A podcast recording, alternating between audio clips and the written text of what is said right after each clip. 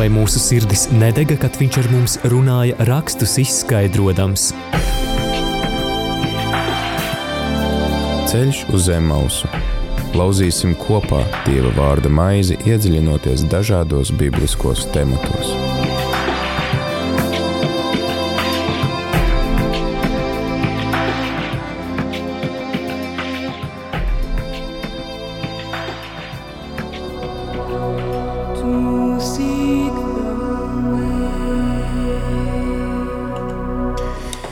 Randiem arī Latvija klausītāji ir 4 un 2 minūtes 4.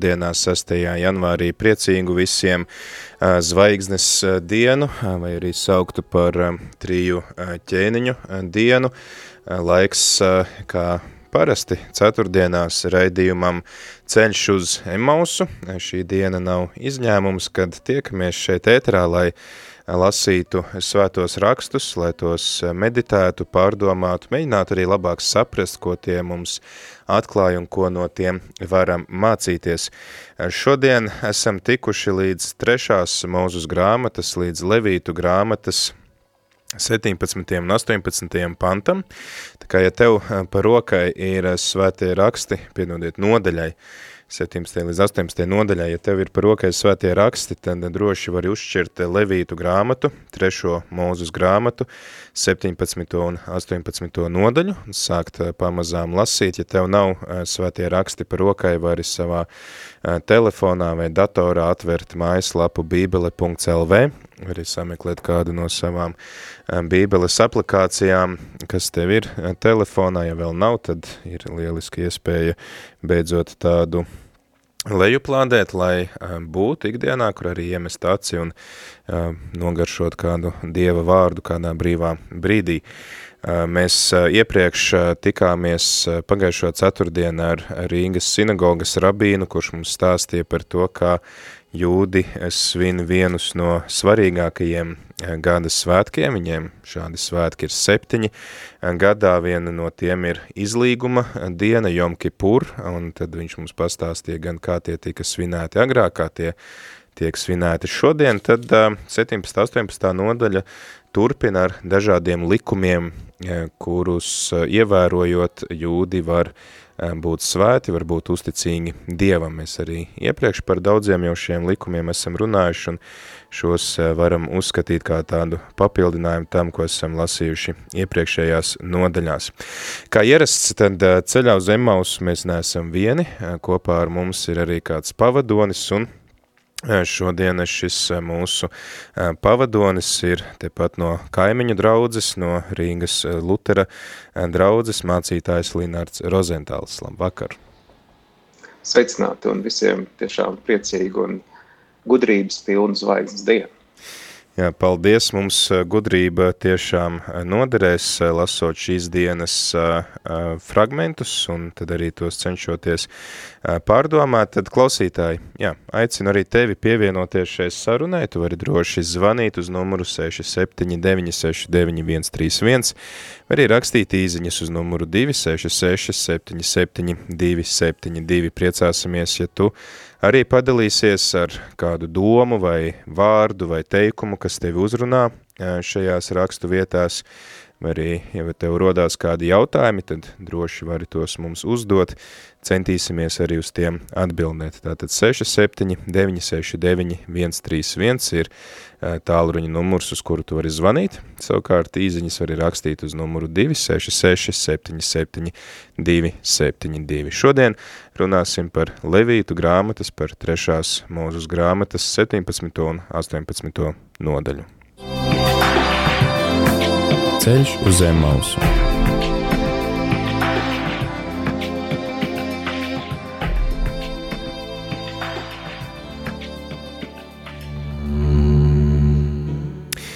Jā, tad uh, 17. un 18. nodaļa atsāk tādu uh, sadaļu, kur uh, kungs Dievs Jahve dod mūzum dažādus uh, norādījumus. Tad uh, kādi uh, likumi uh, ir atspoguļoti šajā 17. un 18. nodaļā?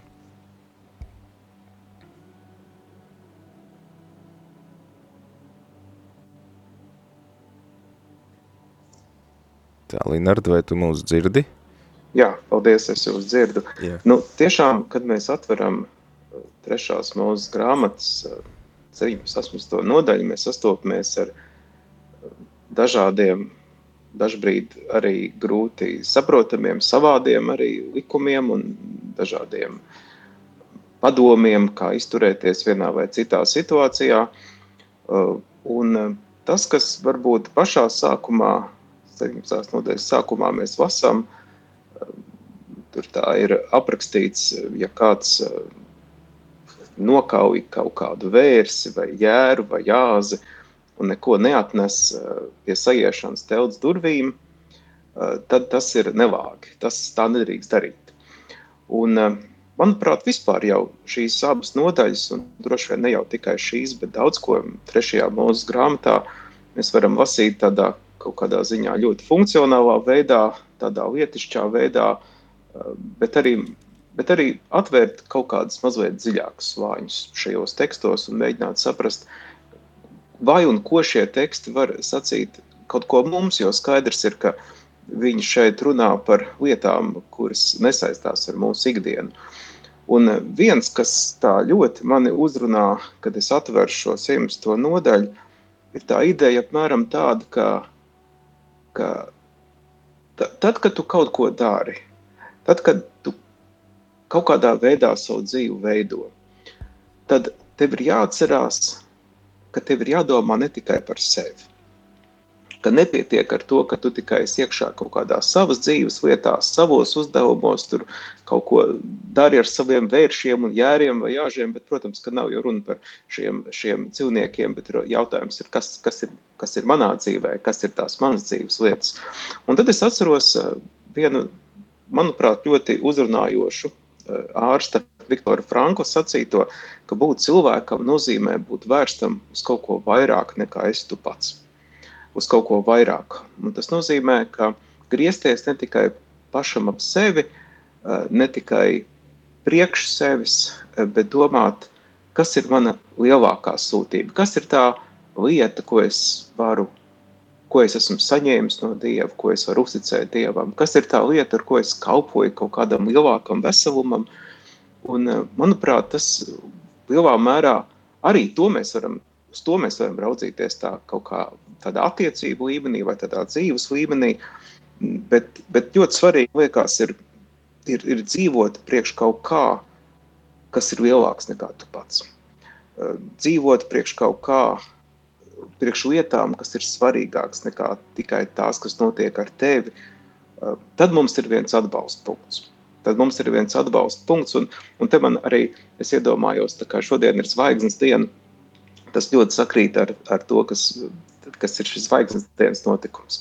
Jo mēs zinām, ka šie gudrie vai ķēniņi, cik viņu bija, to Bībele nesaka, bet viņi, viņi iziet no tās savas austrumu zemes. Viņi ir ieraudzījuši kaut ko citu.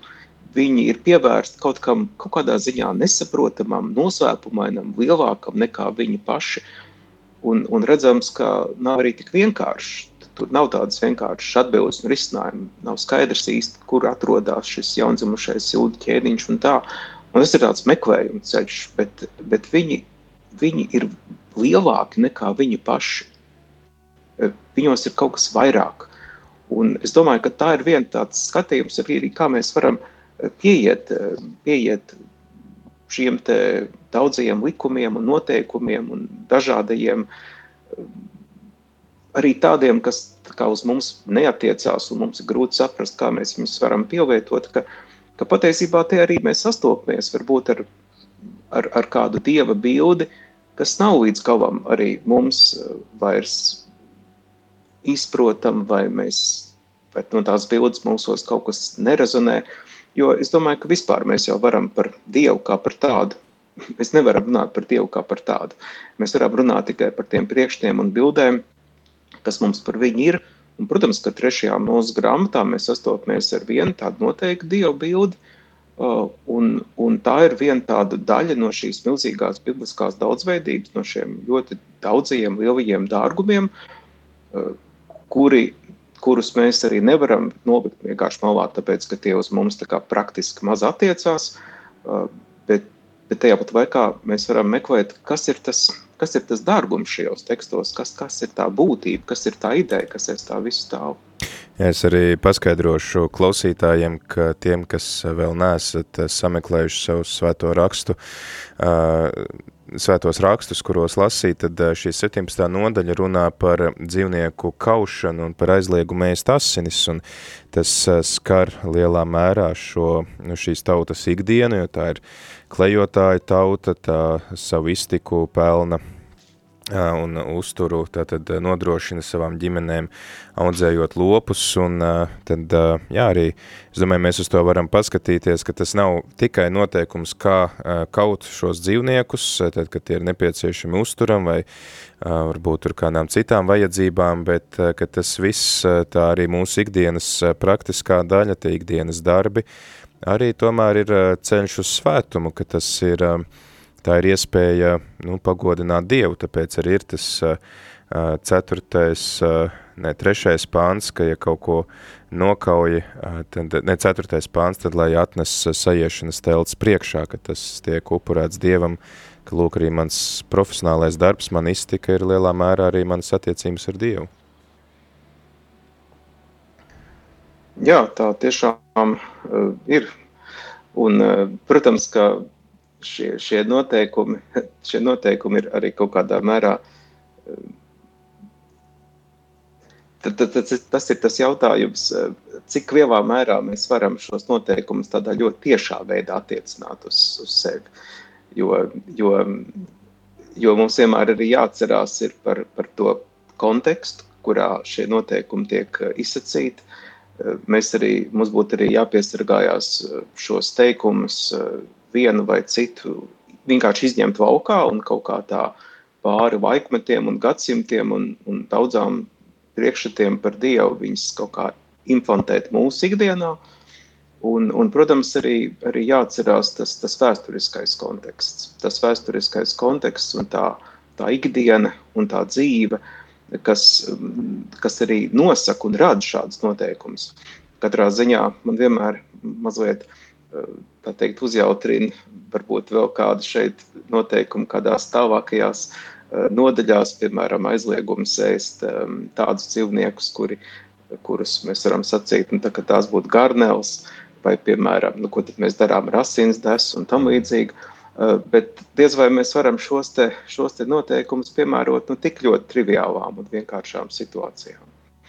Jā, arī šis aizliegums ēst asinis, tas, un arī šī kaušana tāda nesaskaņota arī ir tā laika kontekstā ar to, lai uh, jūdī nu, neiekrist kaut kādā elgdievībā, kas lielā mērā tad šī citu dievu godināšana bija saistīta ar kaut kādu upuru uh, pienešanu, un tāpēc, lai vienmēr tas viss tā kā notiek caur šo uh, dieva sajiešanas telti, kur mēs to visu veltam dievam, un un arī izriet no tās uh, jūdu uh, nu, tādas uh, izpratnes par, par radību, ka asinīs tad mājo dvēseli, un, un mēs neesam šis dzīvības devējs, tas ir Dievs, un tāpēc šīs asinis tiek vienmēr noticinātas tam dzīvniekam, lai, nu, es tā kā nepiesavinātos to, kas nav mans, respektīvi, ka Dievs ir tas, kurš dod dzīvību, un mēs tikai tad pārtiekam no tās.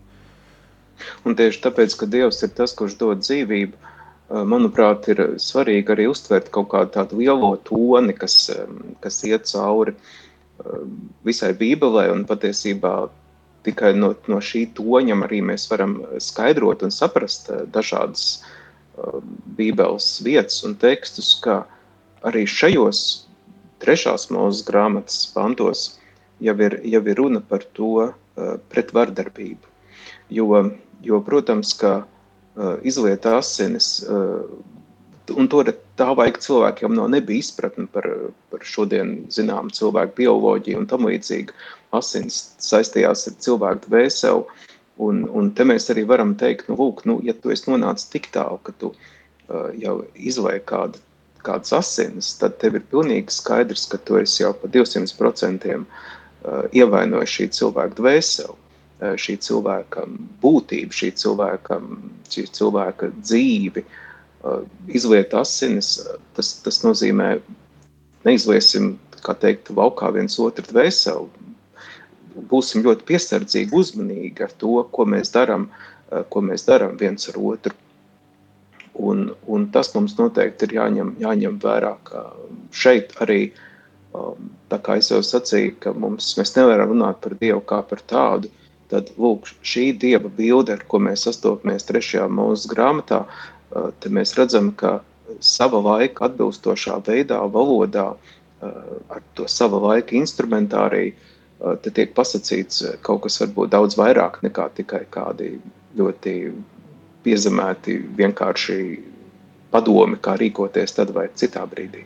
Ja, un es arī domāju, teiksim, šeit attiecībā uz šo dzīvnieku kaušanu, tad tas arī redzam ir tāds zināmā mērā, jo aicinājums nu, uz vides aizsardzību vai tādu nu, pārdomātu dabas lietošanu, ka mēs to nedaram bez iemesla, bez, bez kādas jēgas, ka tomēr arī šīs rūpes par dabu, par mums uzticētajām mājām, teiksim, arī šie visi ekoloģijas jautājumi, ka tas arī izriet no attiecībām ar Dievu. Nu jā, un te mēs varam arī redzēt tādu veidu, kā var būt no šodienas izjūtas par to, kas ir realitāte, kas ir Dievs, no šodienas izjūtas, kas ir radusies arī ļoti noteikti Kristus iespaidā, evaņģēlija iespaidā.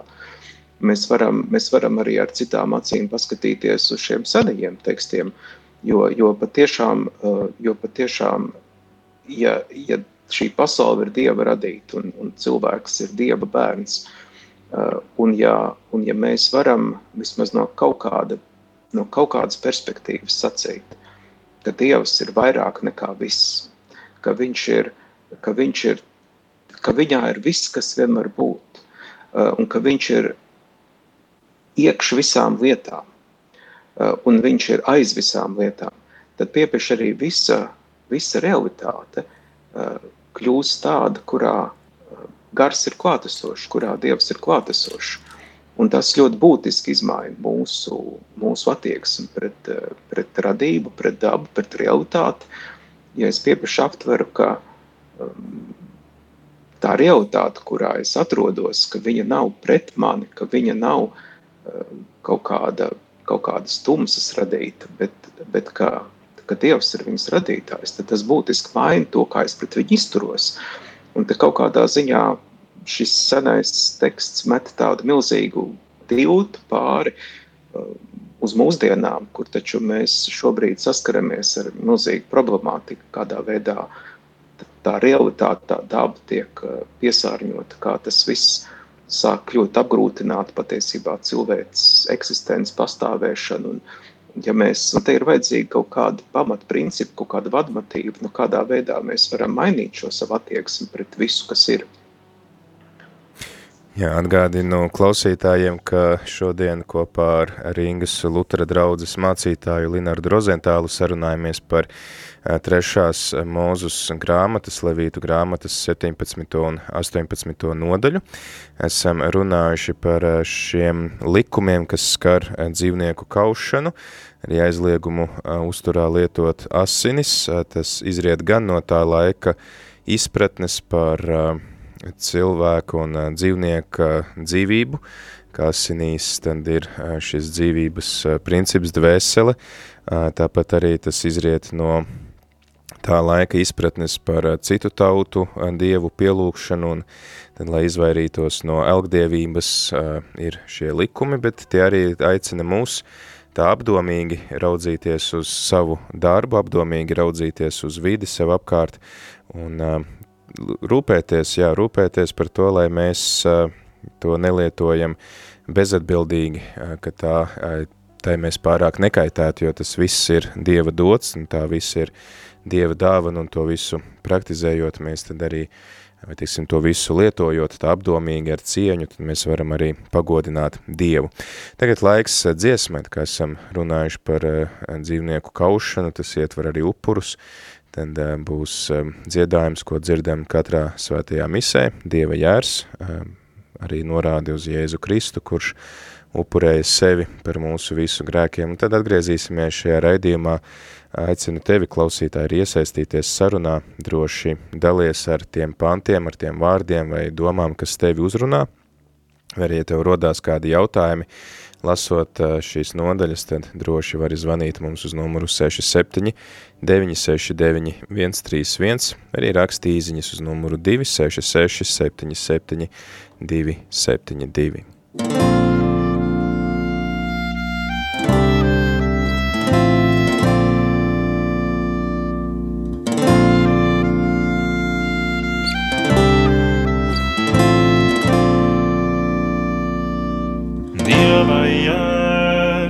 Kas nes pasaules grēkus. Dieva jērs, kas nes pasaules grēkus. Apžēlojies par mums, apžēlojies par mums. Dieva jērs, kas nes pasaules grēkus. Jēzus, kas nes pasaules grēku.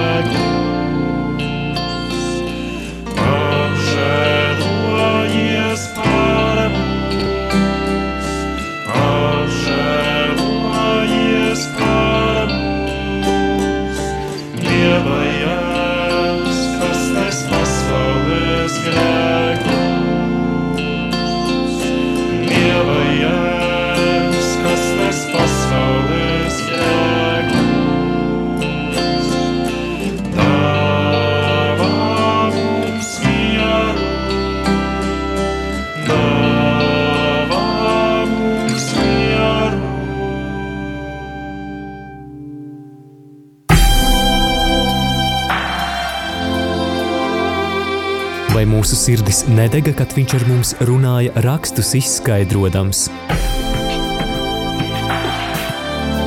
Ceļš uz zem mausu. Lauzīsim kopā Dieva vārda maizi, iedziļinoties dažādos bibliskos tematos.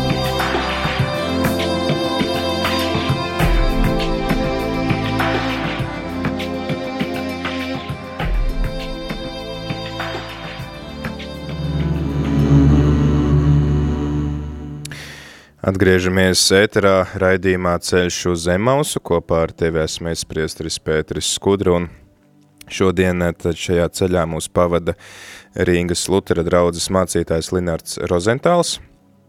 Runājam par Levītu grāmatas 17. un 18. nodaļu. Iepriekš pirms dziesmas pārunājām 17. nodaļu, eh, dažādus likumus par dzīvnieku kaušanu un arī aizliegumu uzturā lietot asinis.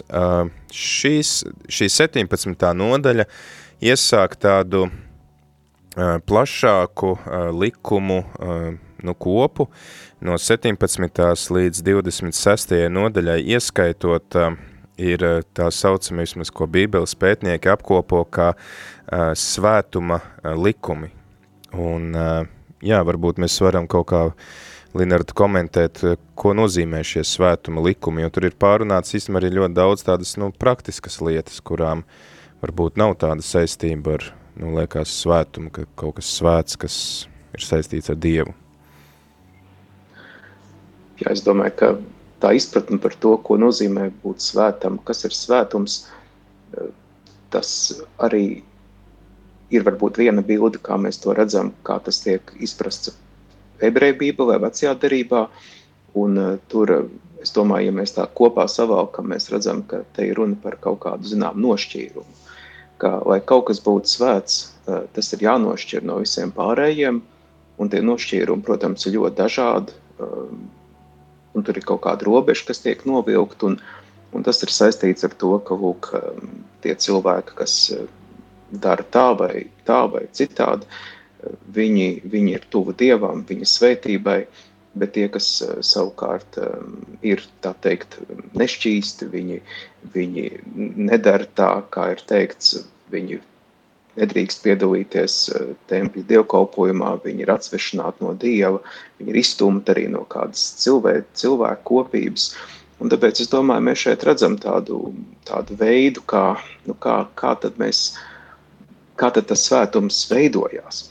Un, un mēs jau arī šajos likumos saskaramies, ka, kā teikt, nešķīsts, tu vari kļūt ļoti vienkārši, tu, tu ne, neēdi pareizās lietas, vai tu, kā teikt, saskaries ar, ar asinīm, vai, vai tu, tu pieskaries mirušajam, vai, vai kā tam līdzīgi, vai tu nepiedari pareizajai cilvēku grupai, vai pareizajai reliģijai, vai, vai patiesībā sakot, visa tā pasaule ap tevi ir, ir nešķīsta, un vai tu varētu būt svēts, tev ir jānošķirās no tās.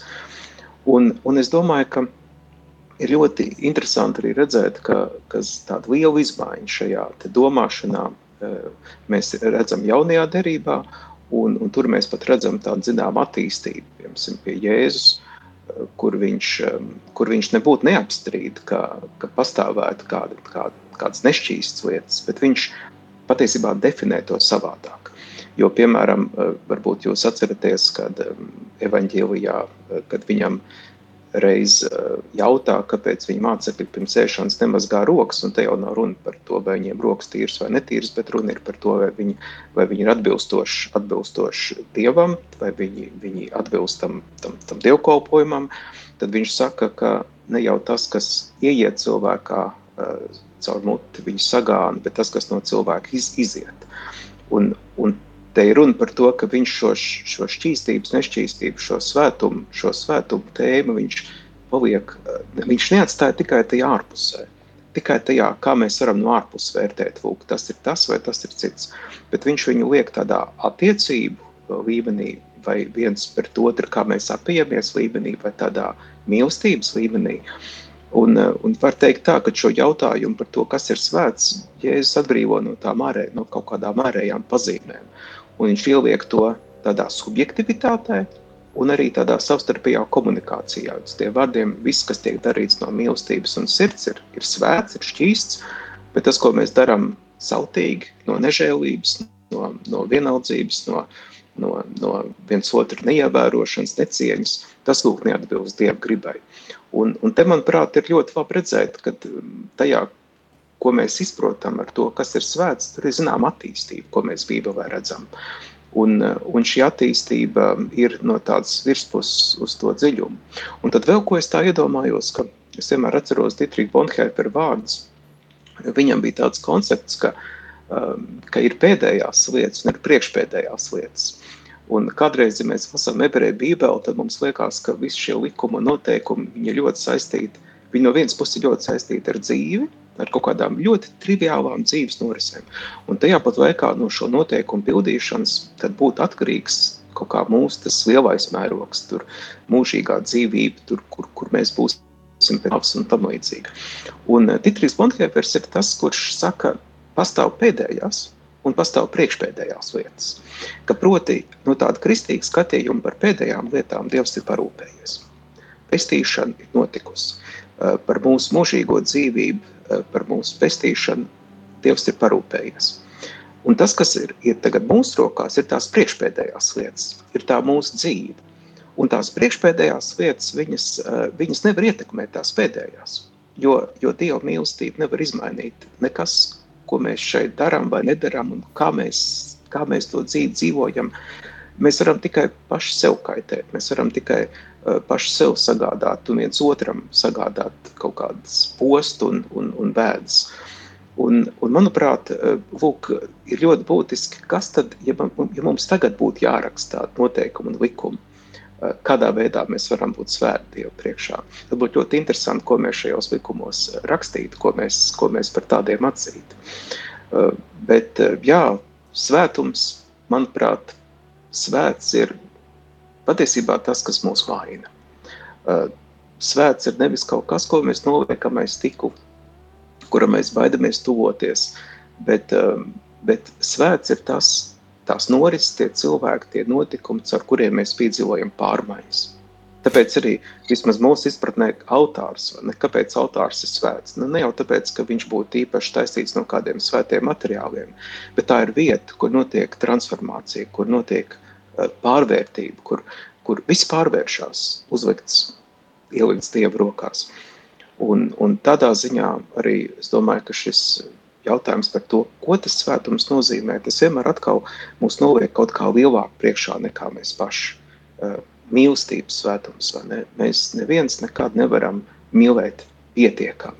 Uh, vienmēr ir iespējams vairāk, uh, bet tajā pat laikā mūs mīl pietiekami jau tagad, un nekad nav bijis savādāk, un nekad nebūs.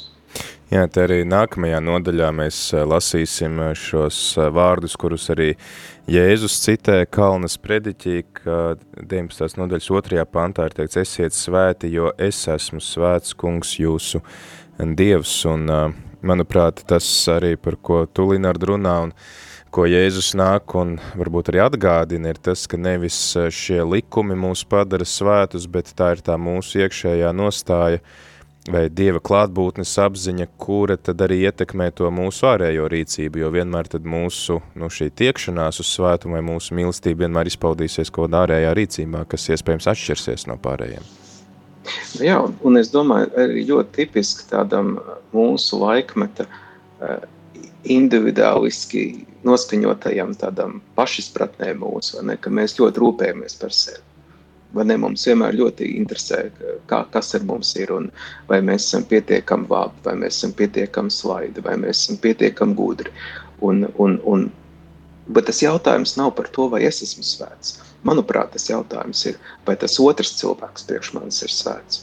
Vai tas, ko es redzu šajā pasaulē, vai šī realitāte priekš manis ir svēta, vai es redzu viņā to potenciālu, ka, ka nonākot attiecībās, nonākot esot ievainojamam, nonākot atvērtībā iepratī šo, šai realitātei, vai es to visu redzu kā Dieva dot man iespēju, vai es redzu, ka aiz katras lietiņas, aiz katra cilvēka, ka, ka katrā, katrā norisē caur to Dievs man kaut ko grib vēstīt, ka tur ir kāds vēstnes, kāds eņģēls, vai, vai es redzu, ka otrajā cilvēkā ir Dieva klātbūtne, vai es redzu viņu kā Dievu bērnu, Tā kā tas jautājums par svētumu nav tik daudz tāds egoistisks, individualistisks. Tagad nu, es eh, dabūšu kaut kādu komplektu, ar ko es kļūšu svētāks un labāks un kaut kā varēšu iztaisnoties. Bet jautājums ir par tiem, par tiem, par tiem citiem, vai, vai es viņos to redzu. Un tas, manuprāt, ir pavisam savādāk nekā, nekā varbūt ikdienā mēs par to šajā laikmetā domājam.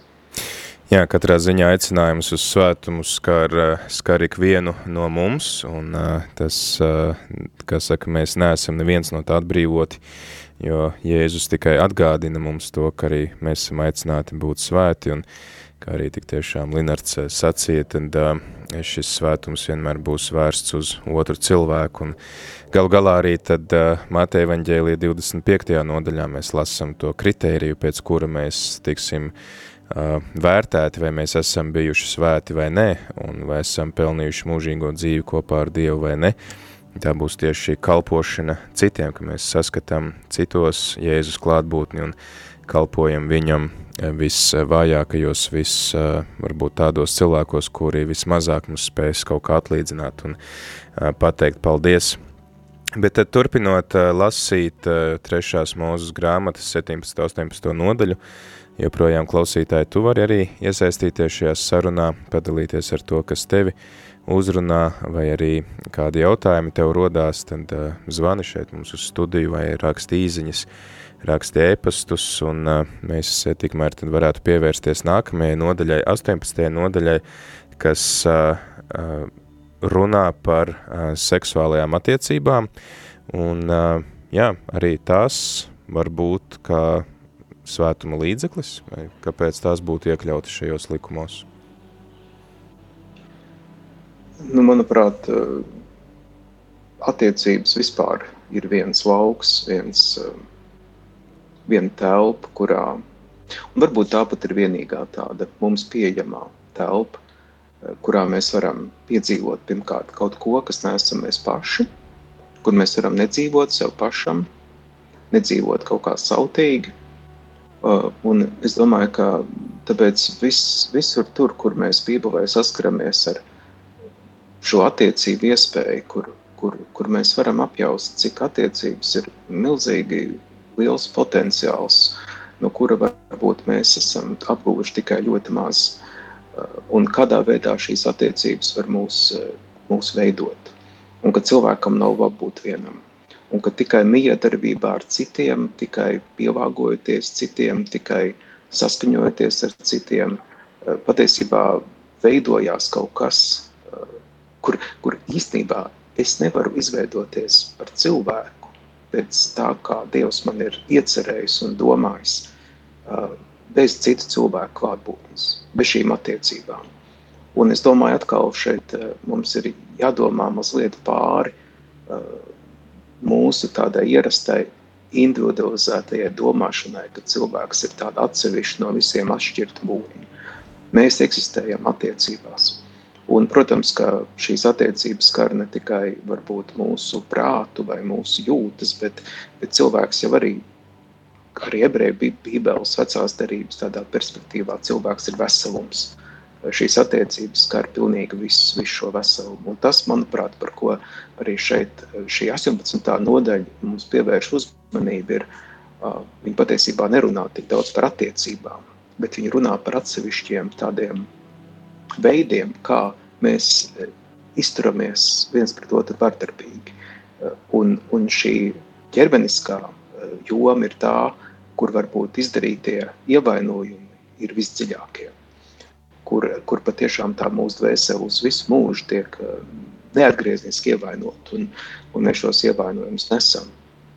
Patiesībā šeit mums, mums, arī, mums arī ir, ir labi apzināties, ka, ka ši, šī, šī nodaļa ļoti lielā mērā runā par tādām destruktīvām rīcībām, ko cilvēki viens otram nodara.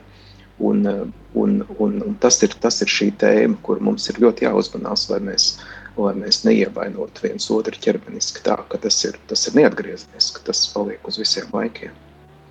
Jā, tā arī, man liekas, tāda atslēga, kas ļauj saprast visus šos norādījumus, ir trešais pants, kur Dievs saka mūzum nedariet to, ko darīja Ēģipte un Kānāna zeme, ka tā tad nesakot nu, šīm pagānu tautām, kur bija uh, sastopam gan jā, šīs seksuālās attiecības starp radiniekiem, arī tur, teiksim, šī te, jā, tuvu radinieku kontekstā, tāpat tur kaut kādas bērnu upurēšanas, zoofīlija, vai tempļu prostitūcija, homoseksuālisms, kas, teiksim, ja tajās citās kultūrās varbūt tās seksuālās attiecības pat, nu, tika uzskatītas kā par tādu nezinu, kaut reliģisku izpausmi, tad uh, svētie raksti norāda, ka tas ir kaut kas daudz uh, svētāks un daudz, uh, nu, kam mums ir jāpievērš vairāk uzmanību, ka tas nav vienkārši kaut kas tāds, ko mēs varam te sekot visiem pārējiem. Jā, bet es vēlreiz gribētu uzsvērt, ka šeit neiet runa par attiecībām. Mm. Jo ar attiecībām mēs izprotam kaut ko pavisam citu. Jo attiecības ir kaut kas ilglaicīgs, kaut kas tāds, eh, kur cilvēki ir ļoti ilgstoši viens otram pievērsušies, kur viņi ir, kas ir uzticēšanās pilns, kas ir mīlestības pilns. Attiecības ir kaut kas, kurā cilvēks ieiet kā tādā, varbūt visa mūža garumā, kaut kādā ceļā. Eh, par to šeit nav runa. Eh, šeit ir runa par kaut, kaut ko diezgan destruktīvu, ko cilvēki viens otram nodara. Un, un patiesībā runa nav par, par attiecībām, bet par kaut kādiem nodarījumiem, mm. kas, kas padara attiecības neiespējamas, kas patiesībā attiecības iznīcina. Man šķiet, tas, tas ir ļoti svarīgi saprast šo nošķīrumu starp, starp attiecībām un kaut kādām šādām praksēm, praktikām, ar kurām mēs saskaramies šeit, kas ir aprakstītas. Piemēram, par attiecībām mēs varētu runāt, pieņemsim, atceramies, vai ne šīs skaistās attiecības starp Rūtu un Naumu, vai ne? Starp šīm, starp šīm, šīm radiniecēm. Tās ir attiecības, kur, kur, kur Rūta rūt saka, vai ne, vai kur tu iet, es iešu ar tevi, kur tu būsi, kur tu paliksi, tur es arī palikšu, tava tauta ir mana tauta, un tavs dievs ir mans dievs?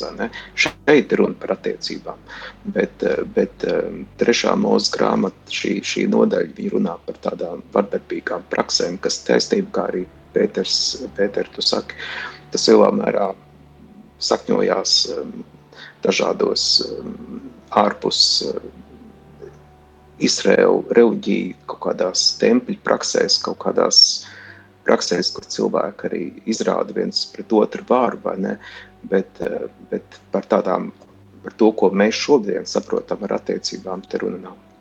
Jā, tad, tad varētu teikt, ka tas ir tāds uzskaitījums ar dažādiem veidiem, kā pārkāpt sesto bausli, varbūt tā mēs to varētu definēt, kas ir iepriekš jau minēts.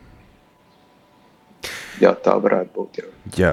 tad uh, varbūt visu to, ko mēs esam pārunājuši un kaut kā mēģinot arī rezumēt šo aicinājumu uz svētumu un dažādos likumus, kas, kas mūs varbūt palīdz ārēji, varbūt šo svētumu praktizēt, ka mēs esam svēti, kā mūsu debesu tēvs ir svēts, tad kas ir tas, ko mēs varētu varbūt paņemt no šīs, šīm rakstu vietām, lai, nu, teiksim, ko mēs varam darīt, lai mēs atsauktos tam uh, svētiem rakstiem, ne tikai tos lasīt, bet arī censtos praktizēt ikdienā? Es domāju, ka viens, ko mēs varam paņemt līdzi, ir tas varbūt arī tāds mūsdienu, mūsdienu kristietības arī uzdevums, ka mums ir jāapgūst un jāiemācās un, un jāsaprot tās, tas milzīgais, tā milzīgā daudzveidība un dažādība, ko mēs atrodam Bībeles tekstos.